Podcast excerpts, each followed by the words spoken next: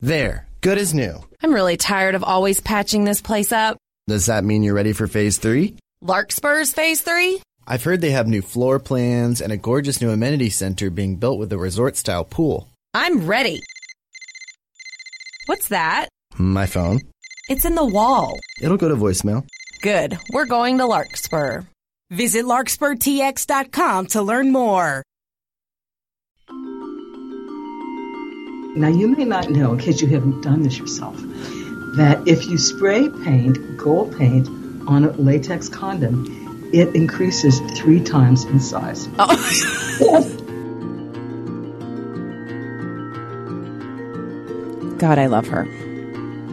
That was Jeanne Safer, a New York City based psychotherapist and author who has spent more than 40 years going where no one wants to go with love and relationships the toxic, the obsessive, and the heartbreaking. She's also the first person to ever send me a condom in the mail, so you know that nothing is going to be off limits in this episode. I'm Elizabeth Kendig, and this is Healers.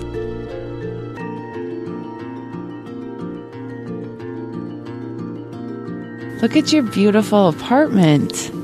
Oh yeah, you're, this is well. Rick and I both, my husband and I, both work here and write here in different rooms. I get the corner of the living room, and he gets the bedroom, and we're not allowed to go into the other room when the other's working. So, so you work well together if you stick to those rules. That's right. That's right. Have- We've written. He's written thirteen books, and I've written six this way. So, Always, always in the house, not at the coffee shop or anywhere.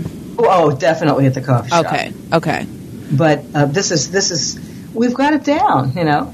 And it's nice to have rules like that that are funny. Everyone's got them. I don't think we should be afraid of them, right? If they work for us, Absolutely. Well, how are you going to do it with two people? I mean, you can't be intruded on all the time. I don't He's- know. He's a good sport. He stays in the bedroom because I like to work at night. He works in the daytime. And how many years have you been married? Thirty-seven. Oh my gosh! All right. Well, I'm taking notes. I just got married. Oh yes. Yes, and uh, we you marry somebody of a different political uh, opinion? okay. We do not have different political opinions, and to be honest, I don't. I can't wait to talk about this with you because I have a hard time with anyone who has a different political opinion from me, let alone my partner. So, how do you two make that work? We have worked at it for a long, long time, Elizabeth. Let me tell you, because um, I'm, you know, I'm probably we're you and I are probably as liberal as each other, right? Yes. And Rick is senior editor of National Review, Oh my goodness. and he's been working there. He had his first article uh, printed there when he was 15 on the cover, so we could say he's a diehard uh, conservative. And he knows what he's talking about. So, Yes, he does much more than I do. However, one thing that's wonderful, there is one good thing that's come out of Trump's election. okay, I'm ready. I'm, I'm on the edge of my seat, Jeanne. It's been really good for my marriage because he didn't vote for Trump. He didn't. and I know it was wonderful. It was a great moment. Oh, I wish everyone could see you jumping up and down in your in your Oh. seat right now. So, I mean, oh gosh, this we could just this could be an entire episode, of course, about why he didn't, and so that brought you two closer together. we're able to talk about politics, Elizabeth, for the first time. You know, and he's he's very savvy. Uh, every name everything that matters to you: um, a choice, uh, gun control, assisted suicide. You name it, he's again it. Okay, But he doesn't impose it on me. so And there's there's a lot of respect. Yes, and also we really agree on virtually everything else. And it's made me really think about all of the guys I knew and the women too who agree with me politically and didn't treat me well. That's interesting. It's something we never think of. We just assume that these are our soulmates, you know, the people that agree with us. And I I just did an interview with a couple last night. I just I just this guy wrote to me because he had a new relationship. He was really in love with this woman. He's in his late fifties. She's in her early fifties. She's never been married, and he wanted to. He hadn't had something he had to ask me advice. He has a sticker on his back of his car of Trump as a little boy peeing on Hillary. Doesn't that sound charming? Yes. Right. She saw it and she said, "It, it goes where I go." Right. And he wanted he wrote to me to ask me my advice because Rick and I have written a lot about how we have managed not to kill each other. He said he would go along with it, whatever I said, and that if she had a Hillary sticker of Hillary peeing on Trump, it wouldn't bother him. That's kind of the key, isn't it? Well, not that, not that, not having these bumper stickers, of course. But that's the best, isn't it? But um, I said civility rules. Get rid of the damn sticker, and he did. And what she said to me in the interview was amazing. She said, "I used to think that political ideology was my core value, but now I know that kindness and love, and and under, hearing your partner is my core value." That's beautiful. Kindness is so underrated.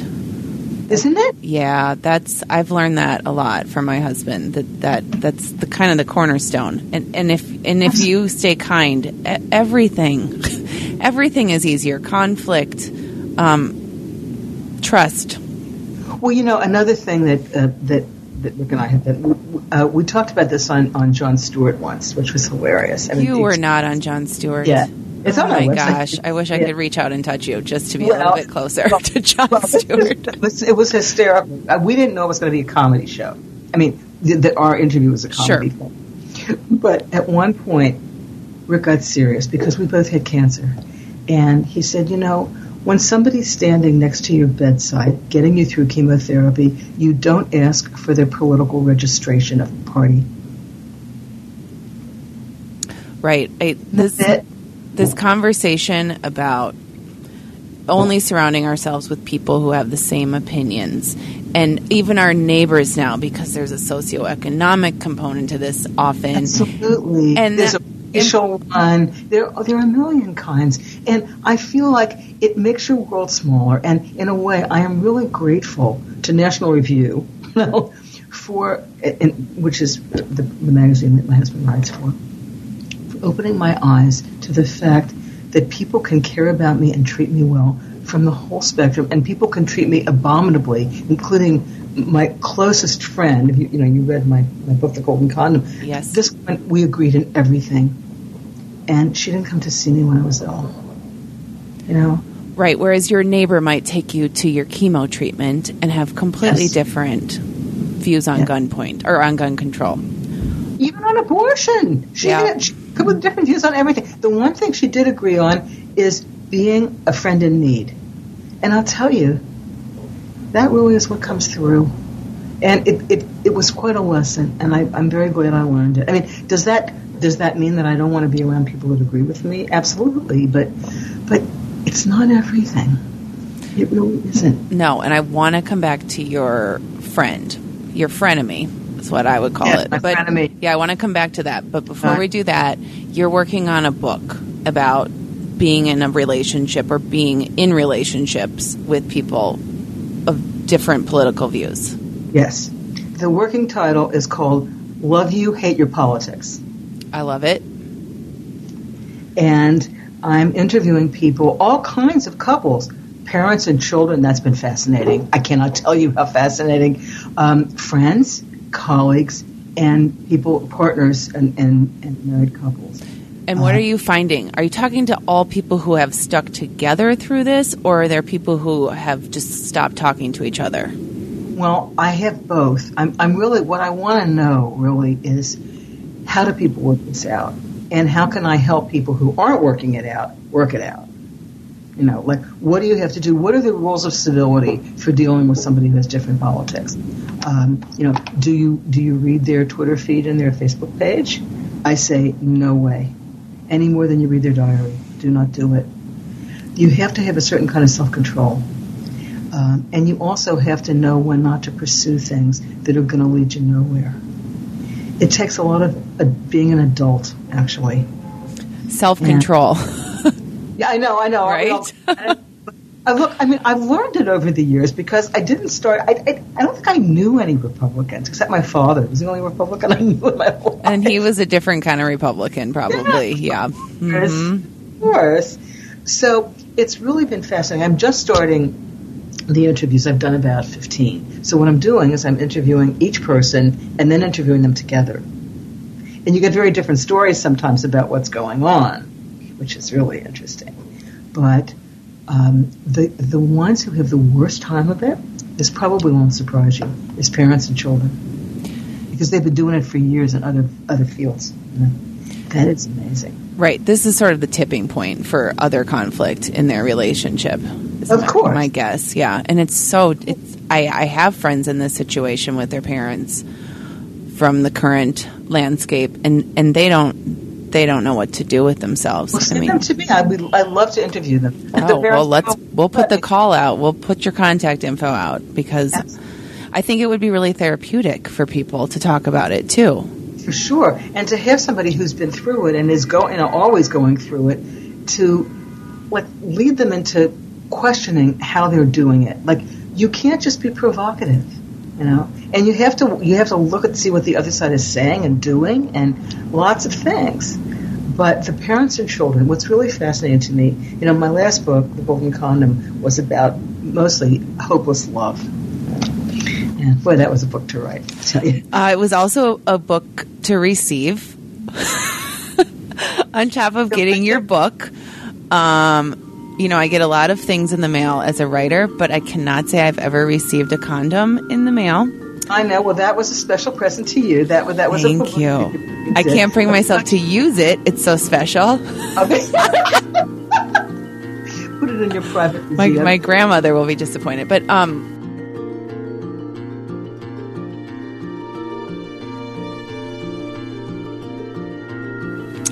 okay, so yes, the title of your book, your last book was The Golden Condom, and I you've got to share. I read the whole book, and um, yes, I did. I loved it, and I stopped highlighting pages after page three because I was highlighting everything.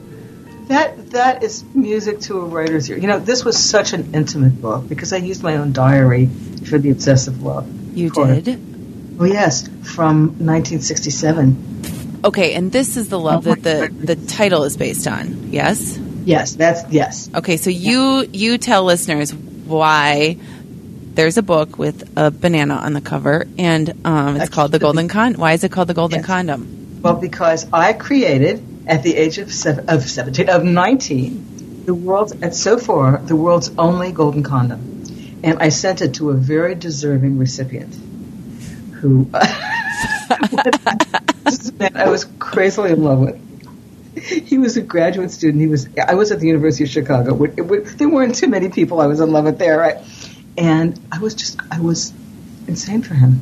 And he said to me very early on. He said, "Look, I want to tell you that um, you're probably more vulnerable than I am, and this may mean more to you than it does to me." In advance, he tells me this. And what did I do at 19? You want to guess? I put it aside and forgot he said it. Mm-hmm. Anyway, he proceeded to care much less for me, and then when after he left, went back to, to Stanford, he wrote me a letter asking me for advice about how to seduce another woman, which I think is one of the classier acts ever committed uh, by anybody. And I was so angry, Elizabeth, that I decided then and there, it came to me in a, in a moment of revelation, I was going to, as an answer to the letter, was going to get a condom, which I had never seen before.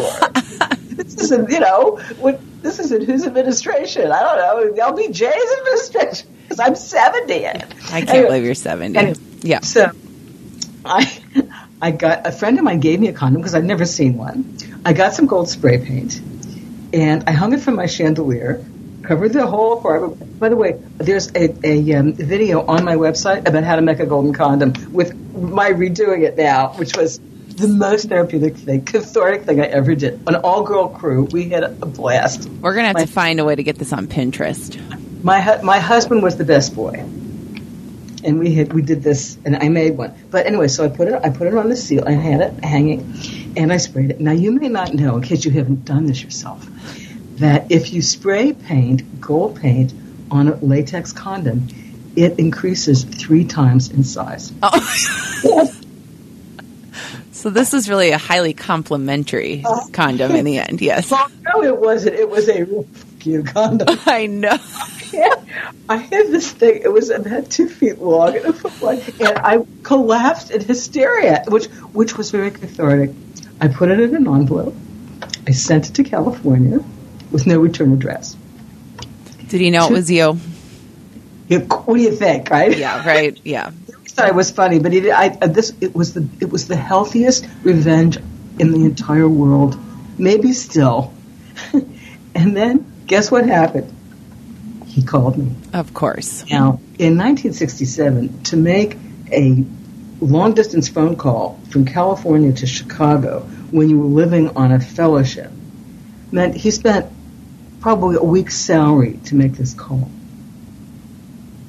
And guess what he said? Thought it was hilarious. He felt a little ashamed, a teeny tiny bit. And then he wanted to come and see me. And guess what this brilliant genius, me, did? I hope you said no.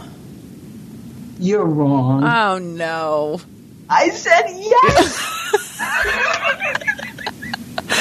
That's why I wrote the book because I said yes, and I never wanted any other woman to ever do that again in the entire world. I mean, who can blame you? We we have all been here. We God. we all have. I mean, this was you know this was one of just the most striking parts of your book of this concept of obsessive love, and I'm under. But you know what's fascinating about that concept? I'm finding as I'm writing about politics that the same I, I, the the, um, the explanation of obsessive love is what I call relentless hope that you cannot accept that the person does not love you. You can't bear it. And that's the same thing that keeps people in these crazy political discussions, particularly with their parents. well, it seems like there's this there's this delusional optimism that you're going to be the one to change this person. I, I love that term. I'm going to steal that from you. I mean, you know, I stole it from some, you know, New York Times article or something. it. But you can you can use it. I'll end it. Um, I have I think that some of the most beautiful, talented, intelligent, creative, kind friends that I have are some mm-hmm. of the worst when it comes to obsessive love. And just Oh getting God. just getting mistreated and ghosted and all of the horrible Tinder exercises that go down. I'm just it's shocking to me. And I don't want to just I don't want to just assume that they it's because they don't like themselves. I mean, this is it's a It's because- phenomenon. What is happening? Because of history. Can you hear me? Yes. I just got a thing that said uh, there was a problem in the communication. But anyway, um, it, it's because that somebody you loved, probably a parent, couldn't respond to you the way you needed, and you couldn't bear it, and you keep trying to kind of knock on the door of the person who slams the door in your face. Because if you don't, you have to grieve. You have to realize you can't get through. You cannot get through. And there's something about knowing that you can't get through that's terrible. Can you hear me? Yeah, I'm I'm getting all goosebumpy and it makes perfect sense and you just keep trying. I mean, just like you're a child all over again. Yes, we are. When it comes to these primitive experiences of passion, no, I feel like I couldn't live without this guy. Mm-hmm. You know, and I had some really intelligent friends, and they said things like, you know, if he really responded you, to you for a couple of months, you get tired of it. It's not even what it's not even that you like him that much. You just don't no one wants to be the, we want to we want to have the choice. We want to have the option. Yes. Yeah. of course. The old hard to get trick. Well, but it wasn't only that. I, I mean, I felt like he was the whole world. Also, it was a hard time in my life. And my parents were separating. All kinds of things were happening. But it was, um, I, I really loved making the golden condom. It was the healthiest thing I did in the whole relationship, actually. Okay, so aside from making a, a two foot golden condom, Right. um, what can we do? What else can we do to break that cycle? What we have to do to make is to see that we're in a cycle. Is to see, is to really say that if somebody, and by the way, these people always give you a little something. They always throw you a little something. It's not like they just never talk to you or never spend the night with you or whatever. That's the killer. And it's that in, old intermittent reinforcement that gets you. And what you have to say to yourself and listen to yourself is that ah, if somebody doesn't love me back, I can't make them. And they're not worthy of my love. Yeah. And I want somebody And, and stick to help it. me. Yes. Stick Stick to to it when it. they throw you a bone, literally or otherwise. I have a couple of young patients now who've somehow learned to do that, and it is so thrilling to me. This one young woman, and she read the book. She came because of that, that of the Golden Condom. Um, there's a guy who used to blow into town about every three months and spend a weekend with her, and she was just insanely crazy about him. But she wanted a real relationship, and he didn't want it, so they broke up. And then he called her a month ago and said, "Hey, want to hang out?" She's 30 years old. Okay, so she was older than me. She said no. I honored her for that. I honored her for that. And once you do that, it seems like you can't, you don't go back. Once you Yes. do break that cycle, That's- right? And then you see Yes, the person for who they are and you start seeing yourself and you see yourself maybe as a child and realize, I got to start reparenting myself and give myself this, you know, what I deserve. Then you don't go back to those habits. I think that's a very important point. And it, that's also consoling to a person who's desperately trying to do it and can't do it to say, from the other side of it, this is going to look very different. You know? And so it's one of my missions to save, to, to keep, to, to enlighten younger women so that they realize that they deserve real love and they'll know it when they have it.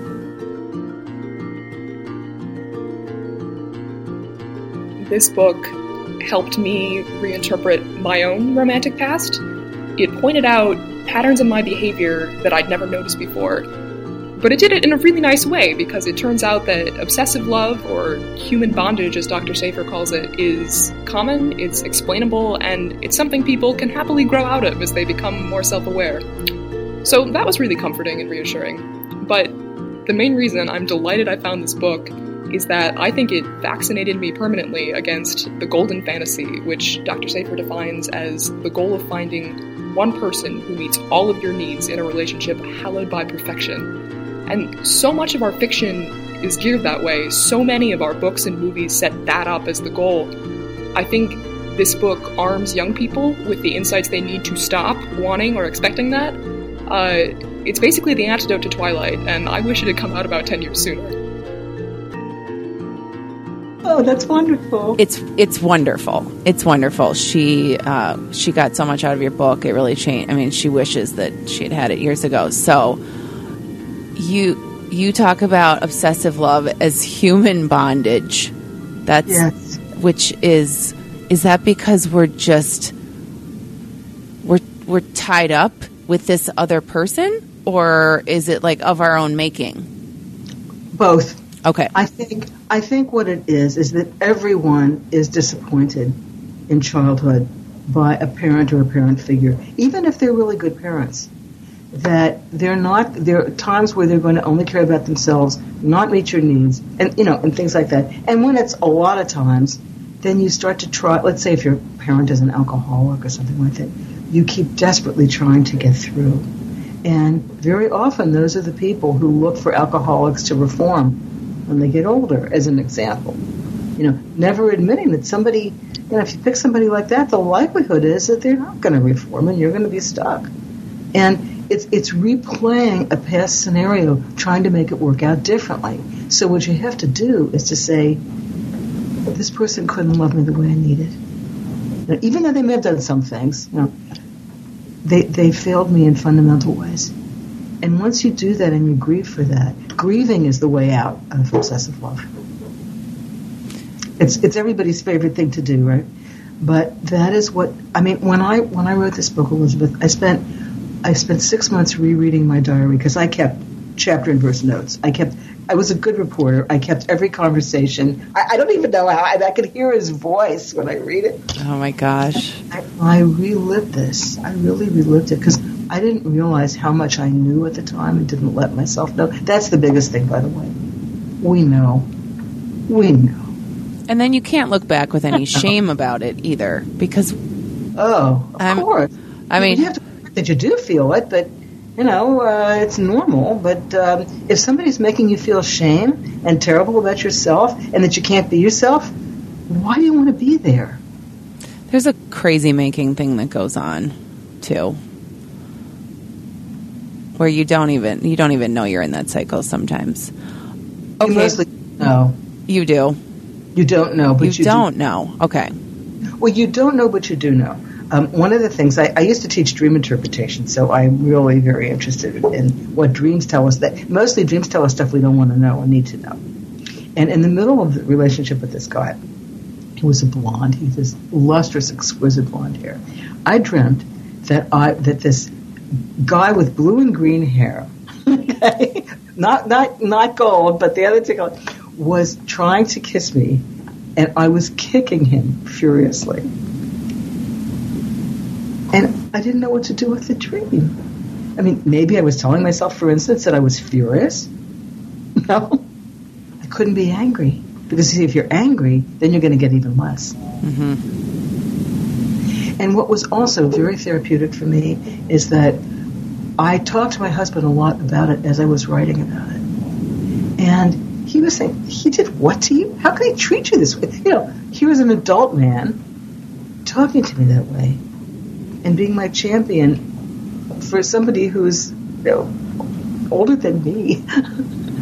um, it was really very moving to have him back me up in this. I wept over this. I mean, 50 years later, I wept over it. Oh my That's goodness. what this was.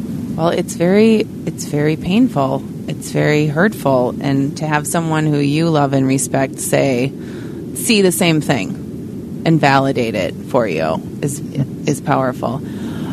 Does Yes. this happens to men too though, doesn't it? Oh, absolutely. You know, the book on human bondage was written by Somerset Maugham, and it's about a man. Actually, it's about a man. The, the actual uh, experience that it was based on was about himself with a gay lover who didn't treat him well. But uh, oh yes, I mean the Blue Angel. You know, there's a million stories. What's interesting is mostly the stories that we see are about women who treat, who act like this. But most of the stories I hear from patients are about men who act like this. Okay. So I think I think we can't say that women are any better than men about this stuff. You know, there's plenty of women who who behave just crazily with men. yeah, it's it's more badly. just we're just the women are sitting around talking about it more. yeah, of course. yeah, with each other. Okay, the second piece to this from the testimonial is about this idea of fairy tale love and that's and that one person can fulfill everything for you. Which honestly, like that surprised me because I and maybe it's because I am older than this caller. Um, I always think that your partner can fulfill certain things for you, but you still need your friends and you still need, you know, other outlets. Um, but is that a thing that people are putting Yes. like this their one partner on a pedestal, expecting the world from them? I think it goes along with the idea that none of us have any friends or lovers or mates who have different politics. You know, we all live in separate worlds like that. Um, where we, we're only surrounded by people who agree with us, and we, it's an echo chamber. You know, we're looking in the mirror all the time. That's people. People need that while they're immature enough not to know that you grow by looking at something different also. I mean, it's wonderful they have the resonance. You know, we're talking and we obviously agree about a lot of things, and that's that's soul satisfying. But it's not the only thing. There's there's you know, looking out, not looking at each other, but looking out in the same direction, looking at what's important. The person who stands by you when you suffer, when you don't look great, you know, when you're miserable, and doesn't that that to me, particularly having been through a lot of stuff, that means more than anything. What about the people who haven't found love and their 30s, 40s? You have to know that it's never too late to find someone. And the one thing that you can always do is work on yourself to see are there barriers that you don't know about from your own history that are preventing you from seeing people? Or are your expectations fantastical. You know that uh, this person is going to be. I mean, I really wasn't looking for a Republican eight years younger whose parents who, whose parents thought I was the Antichrist. really, I wasn't. But, um, so you have to kind of open your eyes to the qualities you really need, and and I, I find you know, I find most of the time when people are alone when they don't want to be, they're making a contribution. You know, they're making a contribution. The world is full of men and women. You know, and you've got to be open to it. And one of the things I, I wrote about, which was that just the most fun I ever had writing anything, was about late first marriage. People who didn't get married, one woman till she was uh, almost 60, a man who was over 60, and, and every one of them was saying there were barriers. These were the things that made me afraid. You know, I worked it out, and guess what? Someone was there. So I really do believe that there is love all around us, and we have to go looking for it. But we also have to look within to see whether we can help. what what are we doing to push it away? What are the attitudes that prevent us from seeing beyond the superficial? that's the most important thing. Well said. I I agree. I never I will never think there's not someone out there for anyone who who's who wants it. Well, but you have to, you know, sometimes you have to change your life to get it. Well, you sure do, and, and then the older you get, the more set in your ways you get, Absolutely. and or you have this idea, and really, this person could be the most unexpected but wonderful surprise. Just might might not be what you're look what you have in mind, but that's a well, good that's thing. Fantasies in, yeah. in mind, and the way I actually met my husband was was really interesting.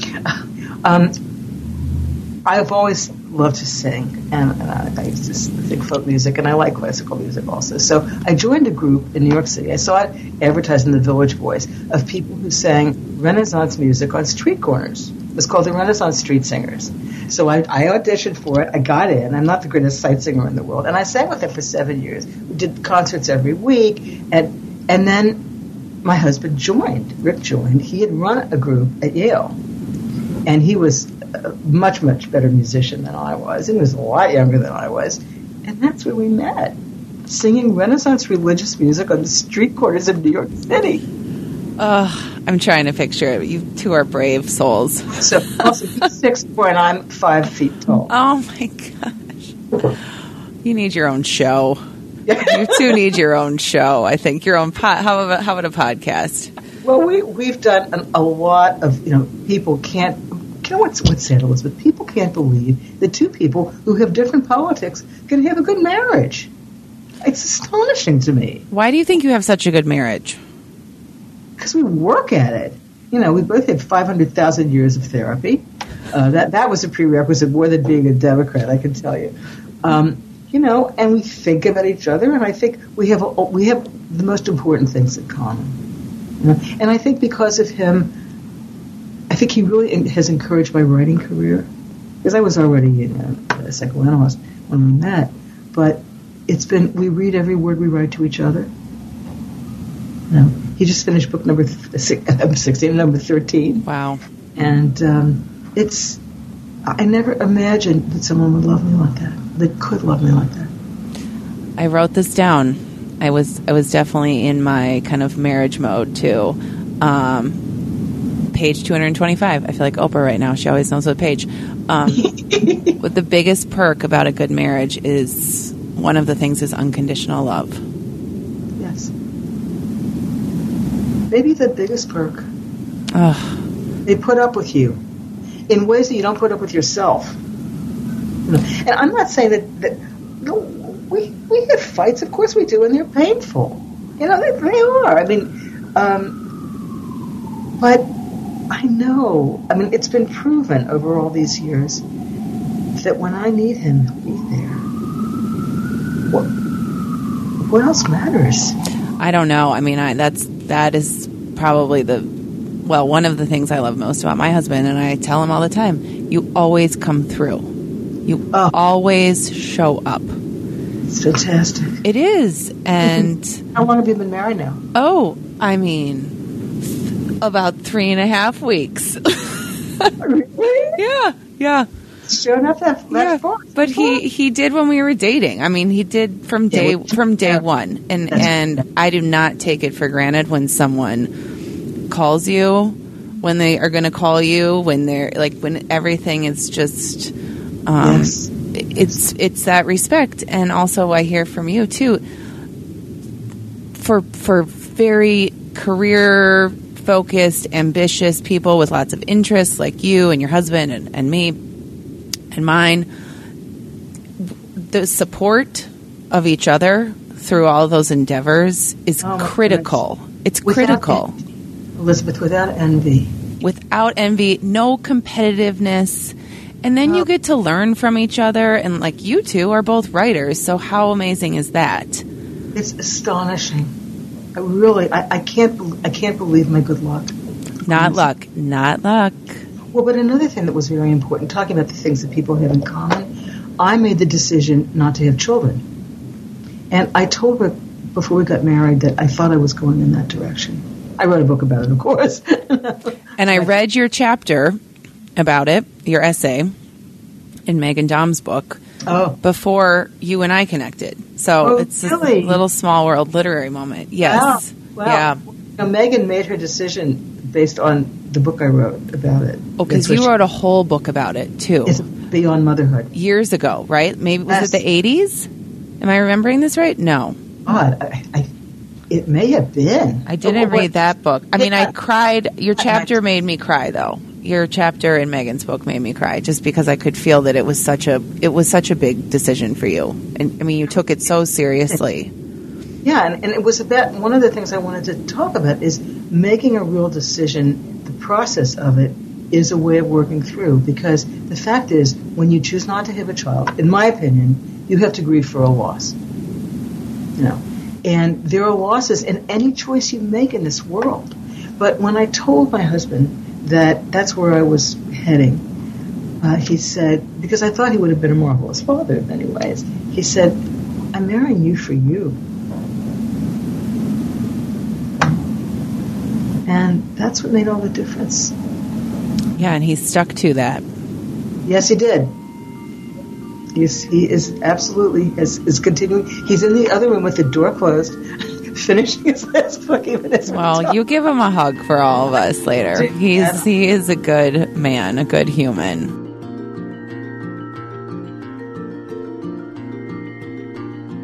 Okay, I want to switch gears while we have time. I want to talk about probably my favorite topic in this book because no one talks about it, and you did in such a poignant way about friendship.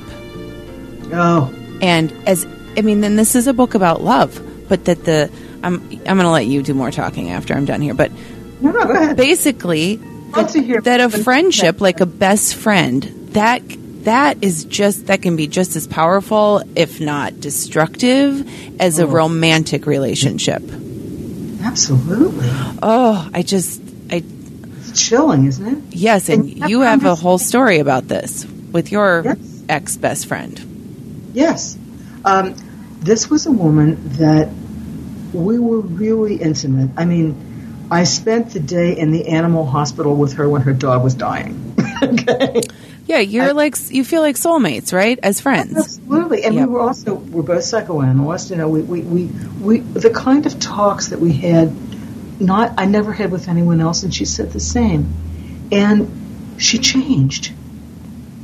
A lot of things happened in her life, and she changed. And she abandoned me, really.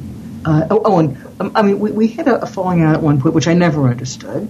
And we got we got back together. The way we met the second time, this is not in the book, but this is very interesting. We met in the office of the oncologist that we had both gone to because we were both diagnosed with breast cancer on the same day by the doctor that I sent her to because she had a lousy radiologist. Oh my gosh! You're so you're leading these like parallel lives. I, I hadn't seen her for a year or so, and then I ended up um, basically taking care of her throughout her treatment, which was the same time as mine because I know how to do the medical thing. You know, I'm daughter of a doctor, and I and so I, I even went. She'd have a second surgery. I took her at five o'clock in the morning. I mean, you know, really, this is this is when your friends show up. Right. And then when I got sick again the next year, she didn't come to the hospital. She didn't come. What do you make of all of this? Because you you can professionally analyze it. Is it too much for someone like that? Is it does it make her feel too vulnerable to need you and you are ill? Probably a big part of it. I think that's a big part of it. I think she envied the fact that my marriage was what it was, and she was, you know, ending a marriage that she had basically made for money, and she felt terrible about it. And I always understood why she did it because I knew her family background, which was trauma, horrible trauma. But she wouldn't work it out. I was even after the second thing like that, I was willing to try to work it out. And then two years later, she called me because she was in the hospital. And that was my great, that was the point at which I wrote that, that piece about deciding to walk away. Which you did. You walked away. Yes, I did. Yeah, you put yourself first. Three days. Took me mm-hmm. three days to figure it out. And my husband knew her well too. And when, you know, the, the call came in, he said, why would you return this call? Coming through yet again. Why would you do that? Why would you hurt yourself knowingly? Yeah. Yeah. You know, you don't just do this with men you love. You do it with women you love too. You have to know. You know, I remember there was a sign on my dorm room, and the, and the bulletin board it said, "You have to learn to leave the table when love's no longer being served." And I've never forgotten it, and I think it's very smart. And there was no love being served. You know, in fact, she also didn't send me dinner when I asked her to because I was confined to the room and I couldn't leave it. And my husband had actually gone home for the evening because I wanted to give him a little time to not, you know, be running back and forth to see me. So I was without food as well. And at some point, it doesn't even matter why anymore. No. Right? The action is it's it, the action speaks for itself. You know, unless you happen to have been, been taken to the emergency room yourself and you couldn't move, but then you'd send somebody else to, do something. I never, I've never understood it. I don't know why. I don't know what's happened to her since. What if she called you today? What would I do? You know, I'm not sure. I think it's over for me. Yeah. I could never trust her again. I could never ever trust her again. I think I would say you had two chances. I'm not stupid enough to make to give you three. Because it turned into needing me, wanting me. She was in the hospital. She wanted some uh, some advice. She, you know, this is the other thing. If she had called me after I don't know 50 years and said, "Jeannie, I'm calling you because I can't bear the way I treated you, and I want to ask your forgiveness."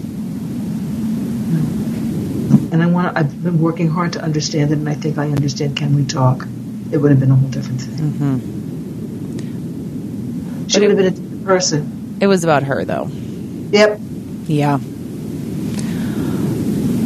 Well, I always come back to that that quote from someone saying we we sh- we teach people how to treat us. Yes. Yes, we do. It takes a long time to learn that, though. Oh, if you know, if you learn it by your thirties, you're so ahead of the game. So ahead of the game. Because I, you know, I know people much older who don't know how to do it yet.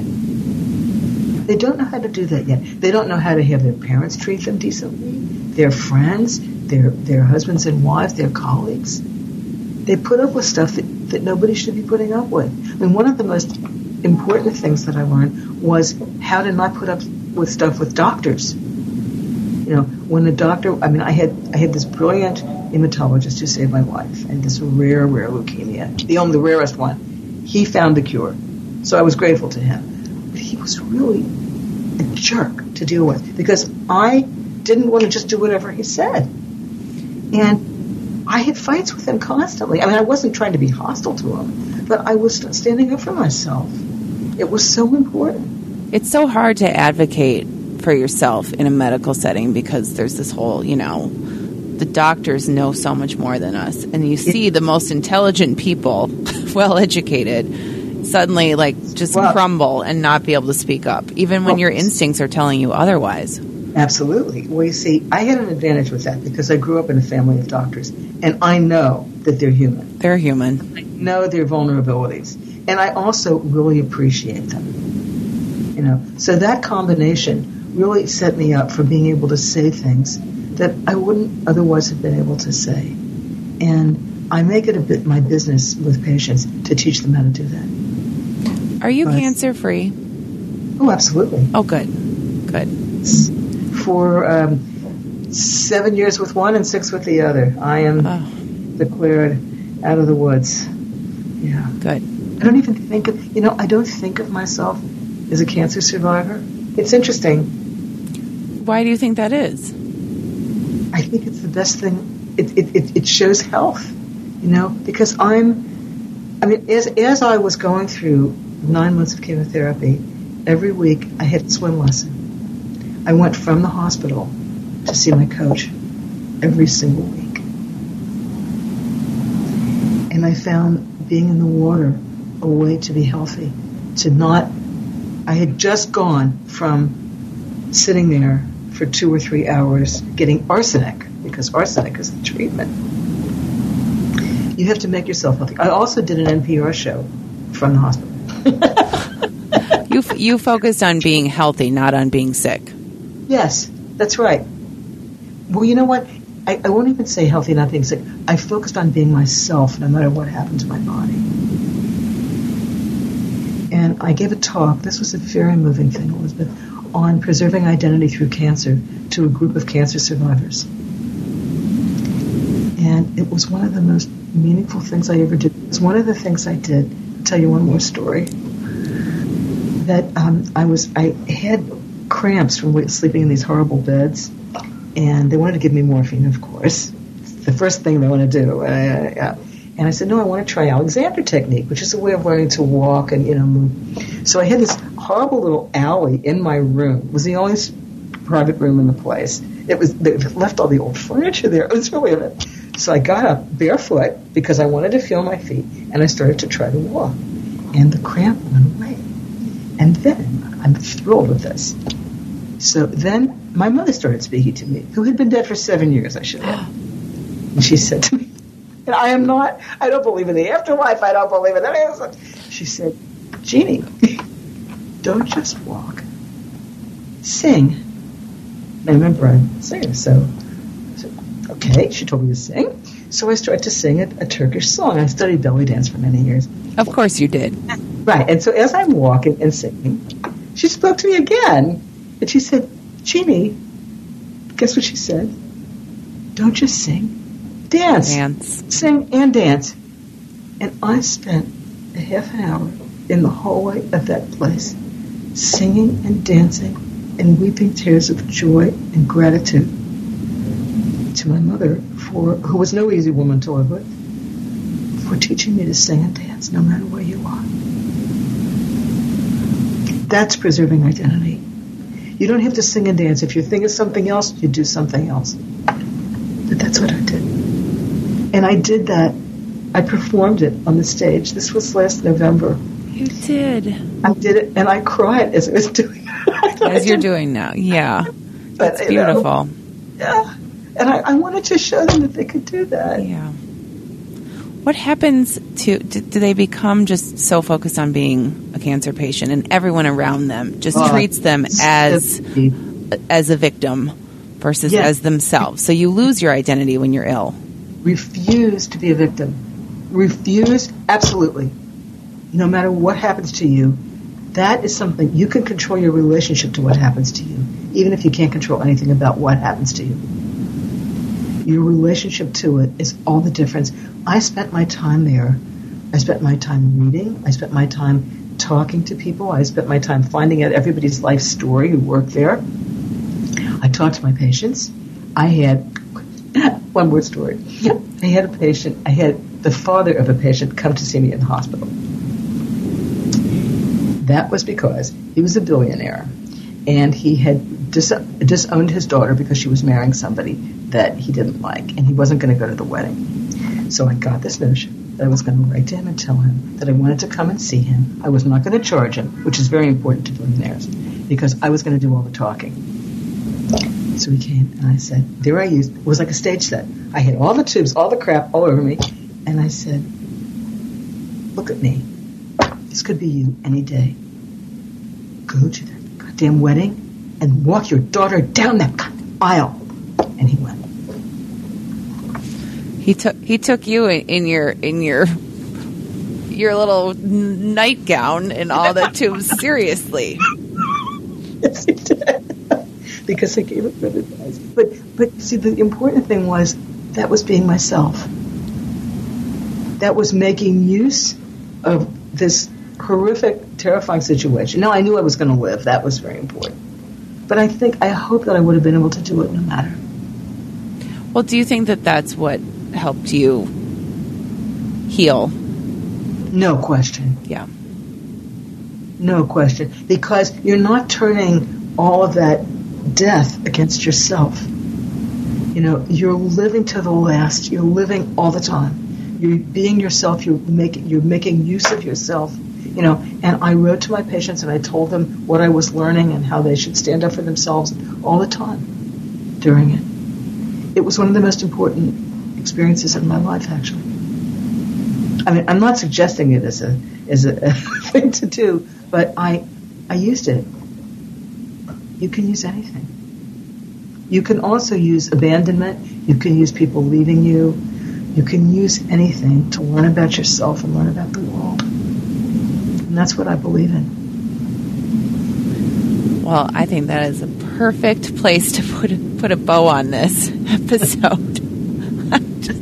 I It's wonderful to talk to you. It is I such an honor to have you, and and no one else, no one knows this but us. So I'll just tell them, you are one of the first people who was recommended to me to have on the show, Oh, and you and I have been in contact now for oh gosh, almost a year now to make this happen, and you have been going through lots of you know incredible things in your life, and um, and we knew that this would happen at the perfect time, and it did, and I'm so grateful to you.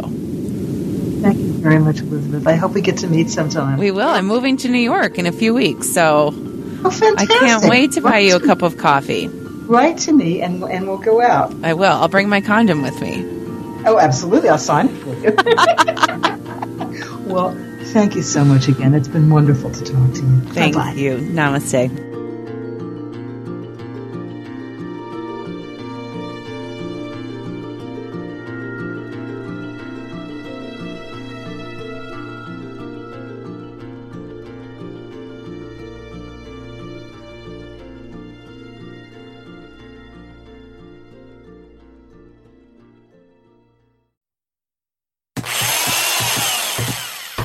There, good as new. I'm really tired of always patching this place up. Does that mean you're ready for phase three? Larkspur's Phase 3? I've heard they have new floor plans and a gorgeous new amenity center being built with a resort style pool. I'm ready. What's that? My phone. It's in the wall. It'll go to voicemail. Good. We're going to Larkspur. Visit larkspurtx.com to learn more. I'm Rita Foley with an AP News Minute. Thousands of residents of North Carolina are running for their lives after heavy rain from the big storm Alberto triggered landslides at a dam that's in danger of breaking. Missouri Governor Eric Greitens is resigning amid investigations about an extramarital affair and questions about campaign financing. I know, and people of good faith know, that I am not perfect. But I have not broken any laws nor committed any offense worthy of this treatment. Roseanne Barr is apologizing to those who lost their jobs now that her TV show's been canceled after she tweeted a racist comment about an advisor to former President Obama, Valerie Jarrett. First of all, I think we have to turn it into a teaching moment. I'm fine. That's Valerie Jarrett speaking there. Wall Street expected to open higher after a tough day yesterday. The Dow lost 391 points to close at 24,361. I'm Rita Foley.